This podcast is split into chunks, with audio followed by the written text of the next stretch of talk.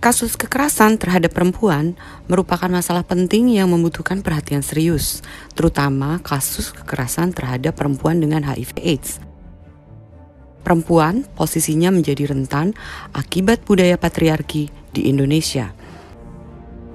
Ketika perempuan tersebut memiliki status positif HIV/AIDS, bukan hanya kekerasan, stigmatisasi, dan tindakan diskriminasi juga kerap menimpa mereka. Di tengah itu semua, hadir petugas penerima pengaduan atau P3 sebagai pintu pertama korban kekerasan membantu mereka untuk bisa lepas dari belenggu kekerasan.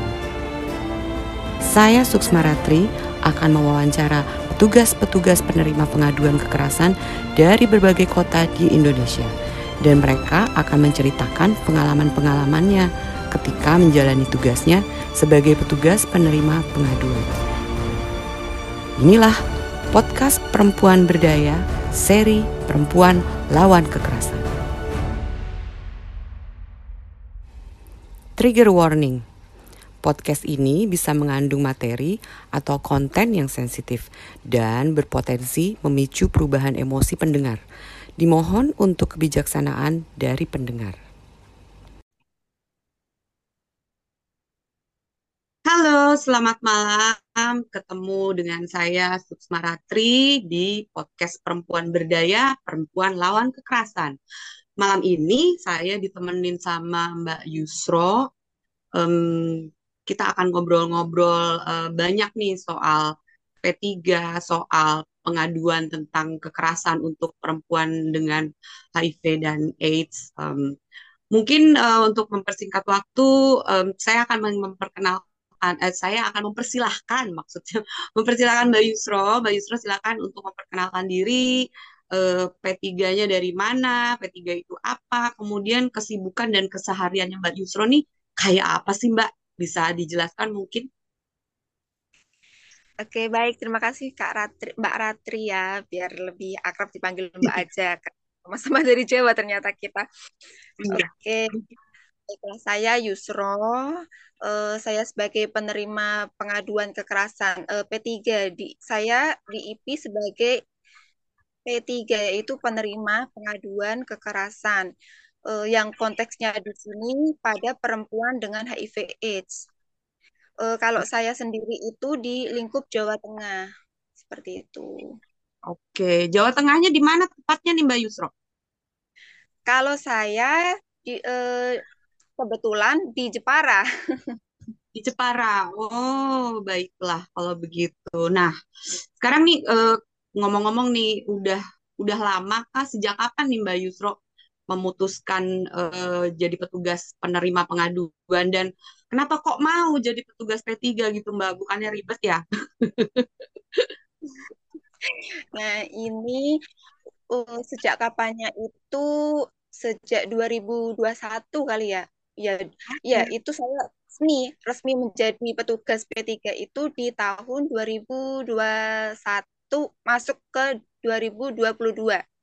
Nah, kalau nggak resminya dari kapan, Mbak?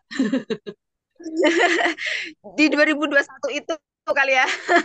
Oke, oke. Mbak Yusro nih kan, Mbak Yusro emang sih dari Jepara ya, tapi kalau misalnya di daerah Jawa Tengah sendiri, saya tuh dengar ya kalau isu kekerasan tuh udah ditanggapi dan ditangani dengan cukup baik gitu sama banyak pihak. Nah, sepengetahuannya Mbak Yusro sendiri, upaya seperti apa sih yang sudah dilakukan di Jawa Tengah atau mungkin di lingkup Jepara juga nggak apa-apa Mbak? Itu yang udah dilakukan untuk mengurangi kekerasan terhadap perempuan dengan HIV gitu loh di sana.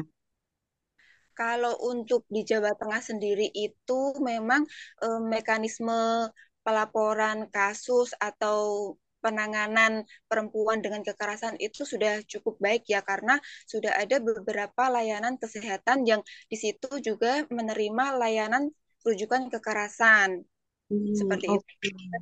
Kemudian juga untuk layanan eh, kesehatan terkait HIV itu juga ramah dengan perempuan yang mendapatkan kekerasan seperti yang mereka eh, ketika mereka mendapatkan kekerasan dari pasangan eh, misalnya nih mereka dilarang untuk apa akses ARV atau antiretroviral ini jadi dari dari pihak layanan ini bersedia untuk mengambilkan ARV ini dan diantarkan ke pasien seperti itu. Oh, luar biasa sekali ya. Aduh, apa namanya? Sampai dianterin ya, Mbak ya kalau misalnya memang itu memang ada ya yang yang dilarang untuk ambil ARV gitu untuk oleh pasangannya atau oleh keluarganya gitu, Mbak.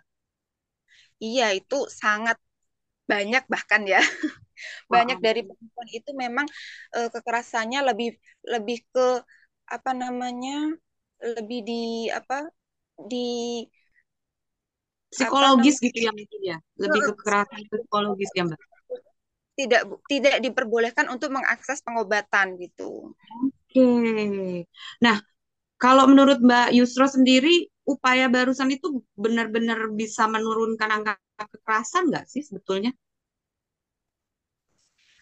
itu belum ya bel, um, sudah sudah untuk penanganannya sudah tapi untuk apa namanya untuk me, menekan angka kekerasan itu belum karena uh, banyak dari perempuan-perempuan di di Jawa Tengah khususnya uh, bahkan si pelakunya sendiri itu mereka belum paham apa itu kekerasan apa saja bentuk-bentuk kekerasan seperti itu. Berarti itu perlu masih ada ternyata. Uh, berarti masih masih ada masih ada kecenderungan seperti menormalisasi tindak tindakan kekerasan atas ketidaktahuan mereka gitu ya Mbak ya? Iya benar sekali Mbak Ratri. Oke. Iya, ini PR besar ya sebetulnya untuk kita semua ya. Sampai dengan hari ini masih terjadi kayak gitu ya Mbak Yusro ya. Aduh. Okay. Udah tahun 2023 nih padahal. Terus PD apa uh, perempuan dengan HIV yang mengadu nih ya ke Mbak Yusro nih biasanya uh, mereka tuh mendapatkan kekerasan di ranah tadi kan bilang bilangnya di ranah ini ya tidak boleh mengakses layanan uh, apa ke, kesehatan gitu ya nggak boleh nggak boleh mengambil obat gitu. Ada yang lain lagi nggak mbak? Misalnya uh, kekerasan yang mereka hadapi gitu yang sepengetahuannya mbak Yusro. Ada. Kalau di uh, saya kan lebih banyak apa namanya untuk penanganan uh, penerima pengaduannya itu kan di Jepara. Kalau di hmm. Jepara sendiri ada yang uh, kasusnya itu seperti kekerasan fisik seperti KDRT, kemudian hmm. psikis, ada juga kekerasan seksual uh, yang ketika dia mendapatkan kekerasan seksual, kemudian dia juga mendapatkan status HIV-nya itu seperti itu. Okay. Juga yang dari ranah publik eh, seperti masyarakat yang mereka mendiskriminasikan atau mengucilkan hmm. si hmm. PDHA ini karena status HIV-nya. Ada juga yang mereka didiskriminasi di dunia kerja. Ada hmm. juga hmm. itu di negara eh, apa namanya yang di mana apa perempuan yang ketika hamil itu di apa se secara standar PPI itu kan ada yang e, prosedur yang di mana perempuan ketika dia hamil itu boleh memilih lahiran apa mereka mau melahirkan secara normal atau bahkan sesar itu kan hmm.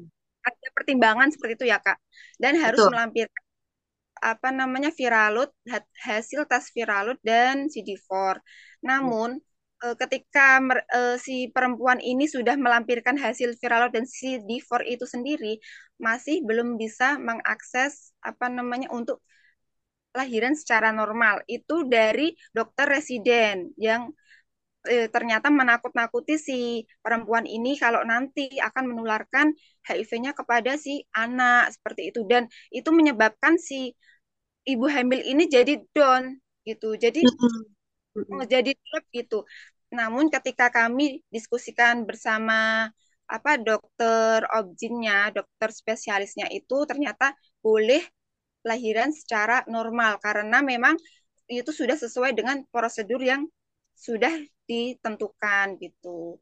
Dan hmm. alhamdulillahnya si ibu hamil ini bisa melahirkan secara normal dan hasil alhamdulillah juga hasil dari apa namanya IED yang anaknya ini hasilnya hmm. negatif atau non reaktif HIV. Jadi anaknya negatif, tidak tertular. Hmm. hasil Hmm. itu ya. Hmm. Alhamdulillah ya kalau gitu. Itu tuh kalau dengar yang barusan dijelaskan sama Mbak Yusro tuh saya ingat ke zaman dulu waktu saya awal-awal jadi case manager tuh tahun-tahun 2006 tuh kayak gitu. Tapi kan itu tahun 2006 ya. Ternyata sampai sekarang masih ada juga ya kejadian seperti itu ya di mana seorang perempuan hamil yang eh, status HIV-nya positif itu eh, lebih banyak disarankan untuk melahirkannya tidak secara normal ya Mbak ya ternyata ya. Aduh, saya pikir udah ke mana gitu loh. ada juga yang steril apa sterilisasi secara paksa. Eh, mereka tidak dikonseling terlebih dahulu untuk sterilisasi apakah mereka nantinya ingin mempunyai anak lagi ataukah sudah cukup dengan dua anak itu. Tapi mereka eh, disterilisasi itu tanpa dengan penjelasan yang eh, begitu Hmm. rinci gitu. Jadi mereka sendiri kan dalam keadaan panik ya orang dengan HIV itu kan mereka panik dengan statusnya. Kemudian menda- eh, tidak mendapatkan informasi secara jelas itu juga mereka jadi tidak bisa mengambil keputusan dengan baik gitu. Yang akhirnya Oh, akan di kemudian hari ternyata mereka sudah disterilisasi gitu. Iya, ini juga ini juga sesuatu yang dulu sih banyak terjadi dan saya terus terang ya kaget juga nih masih kejadian sampai tahun 2023 begini gitu. Nah, kalau misalnya nih eh, bicara tentang tentang eh, kendala dan tantangannya perempuan dengan HIV dan AIDS ya di Jawa Tengah atau konteks Jepara juga boleh. Em, saat ini tuh tantangan dan dan kendala yang mereka hadapi sehingga mereka tuh sering mengalami kekerasan tuh apa sih Mbak gitu. Biasanya penyebabnya tuh apa sih gitu. Ini tantangan ini ini tan- tantangan eh, apa namanya? Saya sebagai P3 atau alasan PDHA korban kekerasan tidak melaporkan. Tantangan boleh saya du- ya. boleh dua-duanya Mbak, boleh dua-duanya. Ini kalau untuk tantangan eh, saya sebagai petugas penerima pengaduan itu sendiri, itu juga sangat rentan mendapatkan berbagai bentuk ancaman. Oh, oh ya ampun. Ada contohnya kayak apa Mbak misalnya? itu bisa bisa berupa kekerasan dan balas dendam dari pelaku itu sendiri karena pernah saya mendampingi eh, perempuan korban kekerasan ini yang saya sendiri itu diancam oleh suaminya atau si pelaku itu Eh, siapa sih Mbak Yusro itu seperti Hmm. itu Kemudian diancam jangan jangan dekat-dekat dengan istri saya seperti itu jika melaporkan itu akan membahayakan nyawa saya seperti itu Hmm, itu tapi juga Mbak Yusro, Mbak Yusro nggak kapok kan jadi petugas P3? karena saya sendiri Kenapa saya kemudian memutuskan untuk menjadi petugas penerima pengaduan kekerasan dan khususnya pada perempuan dengan HIV/AIDS itu karena saya sendiri itu merasa menjadi perempuan itu tidak mudah. Dan Hmm. dengan adanya budaya patriarki yang sudah mendarah daging di negara kita itu, apalagi perempuan yang mendapatkan status HIV-nya itu lebih sangat lebih rentan ya Kak ya mendapat kekerasan baik secara psikologis, fisik, ekonomi dan ses- apa dan seksual apa sosial apalagi eh, perempuan yang mereka statusnya itu adalah pekerja seks atau mereka yang mendapatkan HIV-nya karena dari pelecehan seksual itu kan tekanan psikologis mereka itu jauh lebih besar. Mereka perempuan sudah sudah sangat sulit menjadi perempuan kemudian dengan status HIV-nya dan dengan perilaku yang mereka dapatkan itu sangat luar biasa seperti Hmm. itu. Oke, Eh, itu Iya, itu dari iya, dari iya. rasa simpati itu empati itulah yang kemudian mem- apa namanya juga kemudian memahami kebutuhan korban yang berorientasi pada pemenuhan hak dan kebutuhan korban termasuk tidak menstigma atau menyalah menyalahkan bahkan menghakimi si korban itu sendiri. Karena saya sendiri pernah ada di posisi itu, jadi bagaimana bagaimana memperlakukan si korban itu Tahu persis tahu ya. lah. Mm-mm. Iya. Hanya itu Nah, apa gitu. kalau dari pihak eh, pelapornya nih ya, para perempuannya sendiri tuh biasanya mereka menghadapi eh, tantangan seperti apa sih selain misalnya eh, ada rasa takut terhadap pasangannya mereka gitu atau terhadap pelaku kekerasan. Selain itu mereka punya biasanya menghadapi kendala atau tantangan apa, Mbak? Ini untuk alasan PDHA korban kekerasan yang tidak mau melaporkan kasusnya itu atau melanjutkan kasusnya itu karena mereka memvalidasi diri mereka sendiri bahwa Hmm. itu pantas uh, didapatkan karena mereka mendapatkan status HIV-nya gitu. Aku pantas kok mendapatkan kekerasan ini karena memang aku menyadari aku ini uh, perempuan dengan HIV seperti itu. Terus Oh, kemudian ada juga yang mereka takut akan diketahui status HIV-nya oleh orang lain uh, ketika mereka melapor dan kemudian status HIV-nya itu akan tersebar. Uh, dan juga kurangnya edukasi mengenai apa itu kekerasan dan apa penyebab kekerasan dan bagaimana ketika perempuan itu mendapatkan kekerasan mereka harus ke mana itu yang mm, menjadi kendala mereka untuk melapor seperti itu. Oke. Nah, melihat ken- kendala dan tantangan yang ada nih ya, baik eh, untuk Mbak Yusro sendiri sebagai P3 ataupun untuk para perempuan eh, yang em, melaku- meng- mengalami kekerasan ini, sejauh mana biasanya korban tuh mau terbuka untuk menceritakan kejadian yang mereka alami sih gitu dan eh, biasanya ada follow up, sempat nggak ada follow up sampai ke eh, pihak hukum misalnya gitu sebagai tindak eh, tindakan akhir penyelesaian, Mbak? Untuk untuk uh, untuk sementara ini memang uh, beber, apa beberapa uh, pengaduan yang kami terima ada yang sebatas hanya pengaduan saja. Uh, mereka sebatas cerita dengan mereka butuh teman untuk bercerita seperti itu. Untuk apa mereka dipahami gitu. Uh, ada juga yang mereka sudah uh, me, apa namanya kami rujuk uh, karena kami kan hanya sebagai penerima pengaduan, jadi kami rujuk kembali uh, kebutuh ke, karena kebutuhan si korban ini adalah konseling atau uh, apa namanya apa namanya psikolog. Jadi kita rujuk ke TP2 TP2. Kalau di Jepang sendiri itu DP3 AP2KB.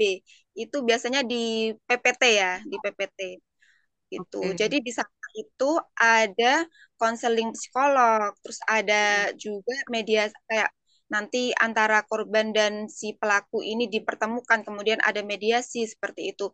Terus nanti kasusnya mau dilanjutkan ke mana di situ. Uh, ada Mm. yang juga sampai situ juga mereka mengakses psikolog gitu. Uh, dan juga ada yang sudah sampai ke pengadilan Oh karena iya. memang Iya, karena memang sudah tidak tahan lagi ya. Ada Mm. juga yang sudah melapor ke kepolisian, tapi di kepolisian sendiri itu malah justru mereka mendapatkan kekerasan kembali. Oh ya. itu. Karena kan dengan statusnya mereka di-just terlebih dahulu. Hmm. Jadi mereka ketika mereka melapor ke pihak eh, berwajib itu mereka harus buka status juga ya, Mbak ya? Atau gimana? Uh, dari mereka dari dari sebagian mereka ada yang mereka membuka statusnya mereka sudah rele, apa ya sudah bersedia untuk membuka statusnya seperti Hmm. itu Oke. karena nanti kan bagaimanapun juga nanti si pelaku juga ngomong gitu Hmm, iya, iya, iya. Nah, sekarang nih kalau misalnya melihat sebegitu rumitnya ya problematika yang dihadapi oleh perempuan dengan HIV dan AIDS ini eh, terkait dengan kekerasan gitu ya. Sebenarnya dukungan seperti apa sih Mbak yang di- bisa diberikan oleh masyarakat umum gitu kepada korban kekerasan seperti ini? Kalau dukungan itu bisa secara psikososial eh, atau bisa dengan dukungan akses informasi layanan kependudukan. Kak, untuk dan bisa kelompok dukungan sebaya. Untuk layanan psikososial itu seperti konseling hak Kespro karena mereka yang eh, biasanya baru mendapatkan statusnya karena tindak pelecehan atau seperti apa. Itu kami ada konseling konseling hak reproduksi itu uh, ada juga rujukan layanan pengobatan di mana mereka bisa uh, diarahkan untuk mendapatkan pengobatan seperti ARV atau pengobatan lainnya yang apa namanya dis, ada IO atau apa yang di, penyerta yang dialami oleh korban. Kemudian untuk dukungan akses informasi layanan kependudukan eh, dari korban ini sebagian karena mereka setelah mendapatkan kekerasan itu mereka lari dari rumah. Jadi dia tidak membawa dokumen apa pun dari rumah seperti itu. Jadi untuk mendapatkan uh, identitas itu kami harus uh, bekerja sama dengan Disduk Capil seperti itu. Atau kalau mereka ingin mendapatkan apa akte akte nikah itu kan mereka harus mendatangi seperti KUA itu di sana bisa mendapatkan duplikat seperti itu duplikat akte nikah kalau memang mereka menginginkan perceraian seperti itu. Karena eh, dari sebagian perempuan itu ada yang ditahan untuk akte nikahnya ditahan oleh hmm. laki-laki untuk proses pengajuan perceraian itu kan sangat sulit ya Iya, Jadi betul. itu. Hmm. Nah, untuk uh, kelompok budaya ini juga sangat perlu karena biar mereka itu tidak merasa sendiri gitu. Jadi ada teman-teman yang lain yang nanti akan memberikan dukungan kepada si PDA ini sendiri. Nah, kalau misalnya nih ya Mbak, ada kasus uh, seorang perempuan di uh, dengan HIV kemudian mengalami kekerasan kemudian kabur dari rumah gitu ya tapi dia nggak punya kerabat misalnya nggak punya teman atau gimana pernah nggak mengalami mbak atau nerima gitu ya apa eh, kasus seperti itu? Kemudian ada bi bisa ada tempat penampungan atau enggak gitu di daerahnya tempat mbak Yusro bertugas nih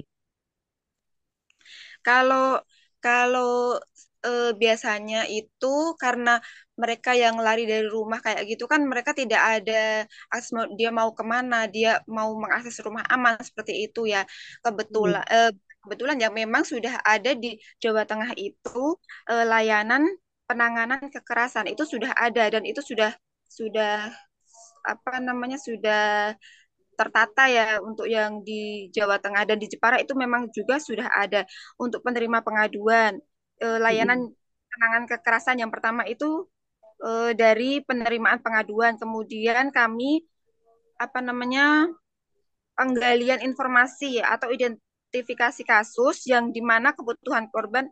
Maaf kak, ini agak panjang nggak apa-apa. Saya jelaskan secara rinci karena kebetulan iya. Terjadi di Jepara itu sendiri uh, kami identifikasi kebutuhan korban itu sendiri. Uh, mereka apakah mereka membutuhkan rumah aman seperti itu karena kebanyakan dari mereka memang benar-benar terancam apa namanya nyawanya seperti itu dan harus keluar dari rumah. Kemudian kami mengadakan kesepakatan layanan. Kami rujuk ke misalkan ke TP2ABL ke PPT tadi. Dia apa yang mau di apa layanan yang mau diakses apakah mereka butuh rumah aman? Di di PPT itu sudah ada gitu rumah aman. Ketika mereka tidak ada yang dituju itu bisa di rumah aman gitu untuk sementara. Oke. Cukup lega saya dengarnya Mbak gitu ya. Karena kalau zaman dulu ya ke zamannya saya masih suka apa eh, nangani teman-teman yang eh, perempuan positif yang uh, kabur-kabur dari rumah tuh kalau dulu tuh nggak ada gitu loh uh, rumah aman itu ya. Jadi kami tuh sebagai case manager dulu tuh suka kebingungan gitu loh kalau misalnya ini dia mau kabur dari rumah gitu ya ada kesempatan dia untuk keluar dari dari rumahnya gitu dari cengkraman pelaku tapi nggak punya tempat untuk dituju gitu. Jadi saya seneng banget nih kalau misalnya ternyata di Jawa Tengah sudah cukup komprehensif dan terintegrasi ya layanannya ini udah ada rumah aman tuh itu uh, buat saya adalah sesuatu yang uh, melegakan gitu ya. Dan ini berarti uh, teman-teman P3 yang ada di Jawa Tengah ini bekerja sama berjejaring ya Mbak ya dengan dengan lembaga-lembaga lain ini untuk untuk uh, supaya korban-korban kekerasan tuh bisa mengakses layanan uh, di luar P3 ini ya Mbak ya. Iya, itu pasti ya Kak ya pasti kami berjejaring Kak. Nah, setelah jadi P3 nih Mbak, uh, walaupun baru dari tahun 2021 nih ya, tapi kan dalam satu tahun tuh kalau menurut saya tuh banyak sekali pasti yang sudah kejadian gitu. Mungkin entah sudah berapa banyak kasus yang ditangani sama Mbak Yusro gitu ya. Apa yang bisa Mbak Yusro petik dari pengalaman-pengalaman yang sudah uh, dilalui selama ini Mbak? Boleh diceritakan? Ceritakan sedikit mungkin uh, suka dukanya, senangnya, mungkin ada ada yang lucu-lucu apa gitu, Mbak? Kalau suka dukanya itu banyak dukanya tapi lebih banyak puas apa ya puas di hati tuh gini kayaknya kak eh, kita itu bisa bantu sesama perempuan gitu paling tidak dia bisa eh, karena kita konteksnya di perempuan dengan HIV jadi kita seneng kalau kalau si perempuan ini akhirnya bisa mengakses obat kembali itu sangat luar biasa bagi kami karena apa namanya ketika mereka putus obat itu adalah hal yang sangat uh, sedih kalau kita mendengar teman kita itu putus obat itu rasanya sedih sekali. Iya benar-benar.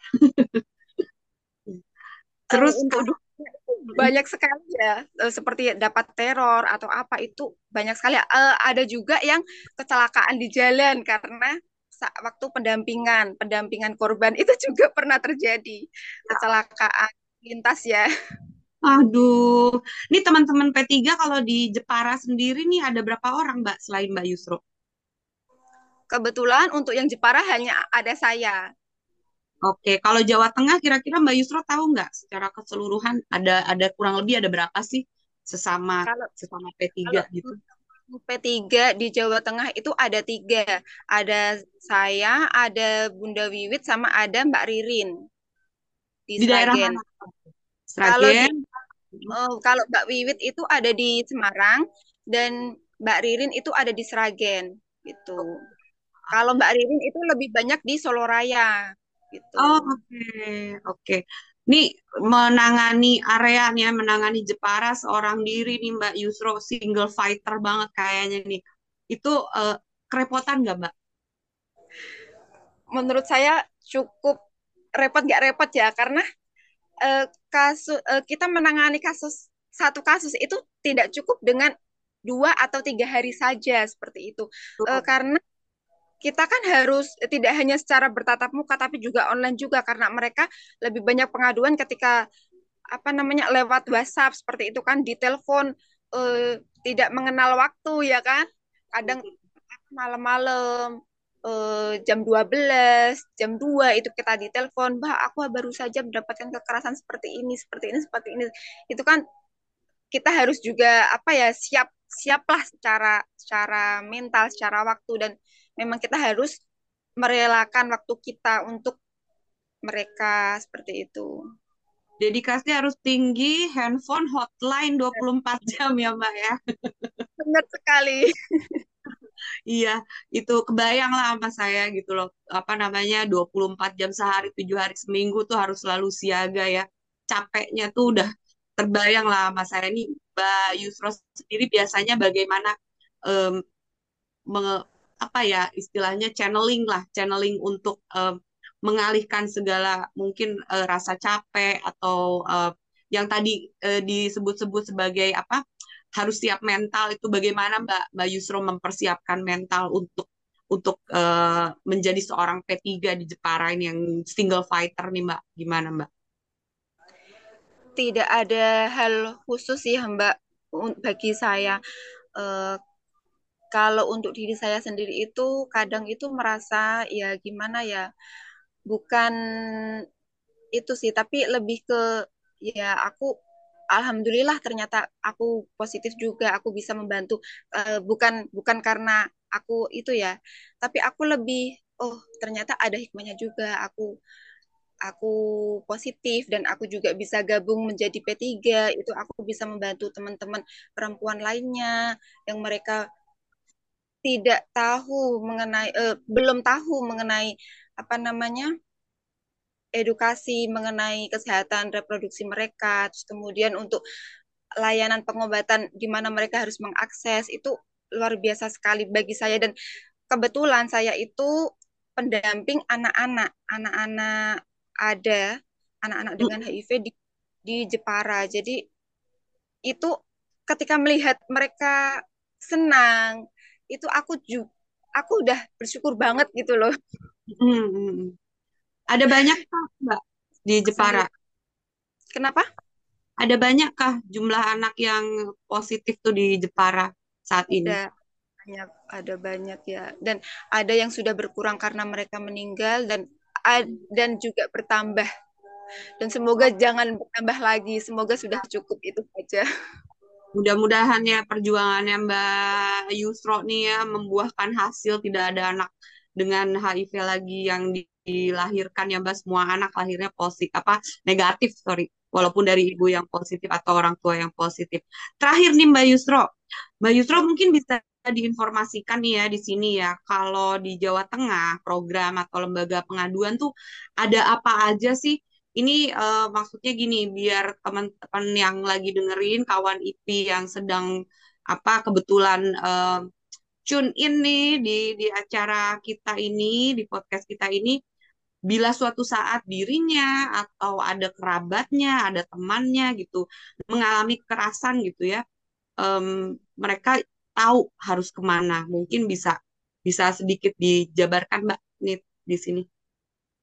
Oke, untuk teman-teman perempuan yang mereka mendapatkan kekerasan, eh, mereka bisa apa namanya ke layanan organisasi pendamping atau pembela hak perempuan korban kekerasan seperti WCC, OBH atau LBH perempuan. Kalau di Jawa Tengah itu ada LRC KJHAM, ada LBH APIK seperti itu.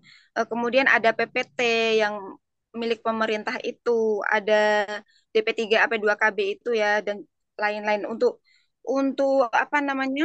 penyedia layanan kesehatan yang menyelenggarakan layanan apa HIV itu juga eh, yang mereka juga ada layanan mengenai KBG yang bisa diakses itu seperti psikolog gitu.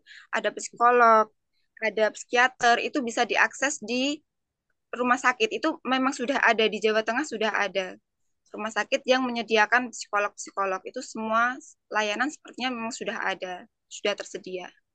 Rumah sakit pemerintah atau swasta nih Mbak? Kira-kira. Rumah sakit pemerintah. Oke, rumah sakit pemerintah ya. Baik, kalau begitu mungkin Mbak Yusro mau untuk uh, yang paling akhirnya mau menyampaikan sedikit pesan mungkin untuk teman-teman perempuan yang hidup dengan HIV dan AIDS gitu dari seorang P3 nih apa nih yang mau disampaikan kepada kawan IP di luar sana? Oh iya, Oke, tadi itu kan untuk semua perempuan ya. Ini ada yang perempuan e, lebih terkhusus untuk PDHA, kita bisa melapor ke Delila. Delila itu dengar, lapor, apa dengar, lindungi dan lapor. Di situ ada situs webnya. Bisa diakses di www.ip.org.id. .id itu itu bisa kita akses di situ untuk pengaduan apa layanan pengaduan kekerasan. Uh, dan untuk pesan-pesan perempuan yang mengalami mengalami kekerasan gitu ya kak ya kak Ratria iya. Uh, teman-teman perempuan jangan takut untuk melapor jangan takut uh, ketika kalian mendapatkan kekerasan itu pahami apa penyebab kekerasan jadi biar apa namanya kita tahulah apa itu penyebab kekerasan. Jadi kita bisa misalkan kok itu di rumah tangga e, mungkin karena komunikasi, bisalah kita perbaiki komunikasi. Jika itu masih terus berlanjut, e, jangan jangan takut untuk melapor. Jangan takut untuk melapor seperti itu. Dan jangan selalu menyalahkan diri sendiri gitu kali ya Mbak. Kadang perempuan itu kan ketika mengalami kekerasan mereka merasa bahwa dirinya lah yang bersalah sehingga mereka patut mengalami kekerasan itu. Itu ya Mbak ya, mungkin juga salah satunya ya Mbak ya. Iya, benar sekali. Uh, tadi yang salah satunya tadi kan sering uh, perempuan itu memvalidasi dirinya ketika mendapatkan kekerasan, mereka merasa aku pantas kok mendapatkan kekerasan. Itu jangan ya. Kita hmm. harus tahu tahu edukasi mengenai KBG juga uh, agar kita itu tahu ketika kita mendapatkan kekerasan kita harus apa kita, uh, eh, apa yang kita pertama harus kita lakukan bagaimana kita menyelamatkan diri seperti itu. Oke. Mbak Yusro, terima kasih banyak atas waktunya. Um, senang sekali ini sudah bisa bergabung dengan podcast IP, podcast Perempuan Berdaya, Perempuan Lawan Kekerasan malam ini. Semoga apa yang di kita obrolin ya malam ini bisa memberikan informasi baru untuk kawan-kawan IP di luar sana, bisa juga memberikan uh, apa namanya wacana dan penguatan untuk teman-teman perempuan yang hidup dengan HIV dan AIDS supaya jangan takut untuk melawan kekerasan. Terima kasih Mbak Yusro, selamat malam dan kemudian juga saya juga ingin menyampaikan um, tetap semangat ya Mbak Yusro, jaga kondisi dan uh, sukses selalu sebagai petugas penerima pengaduannya di Jepara. Selamat Terima malam. Kasih. Selamat malam.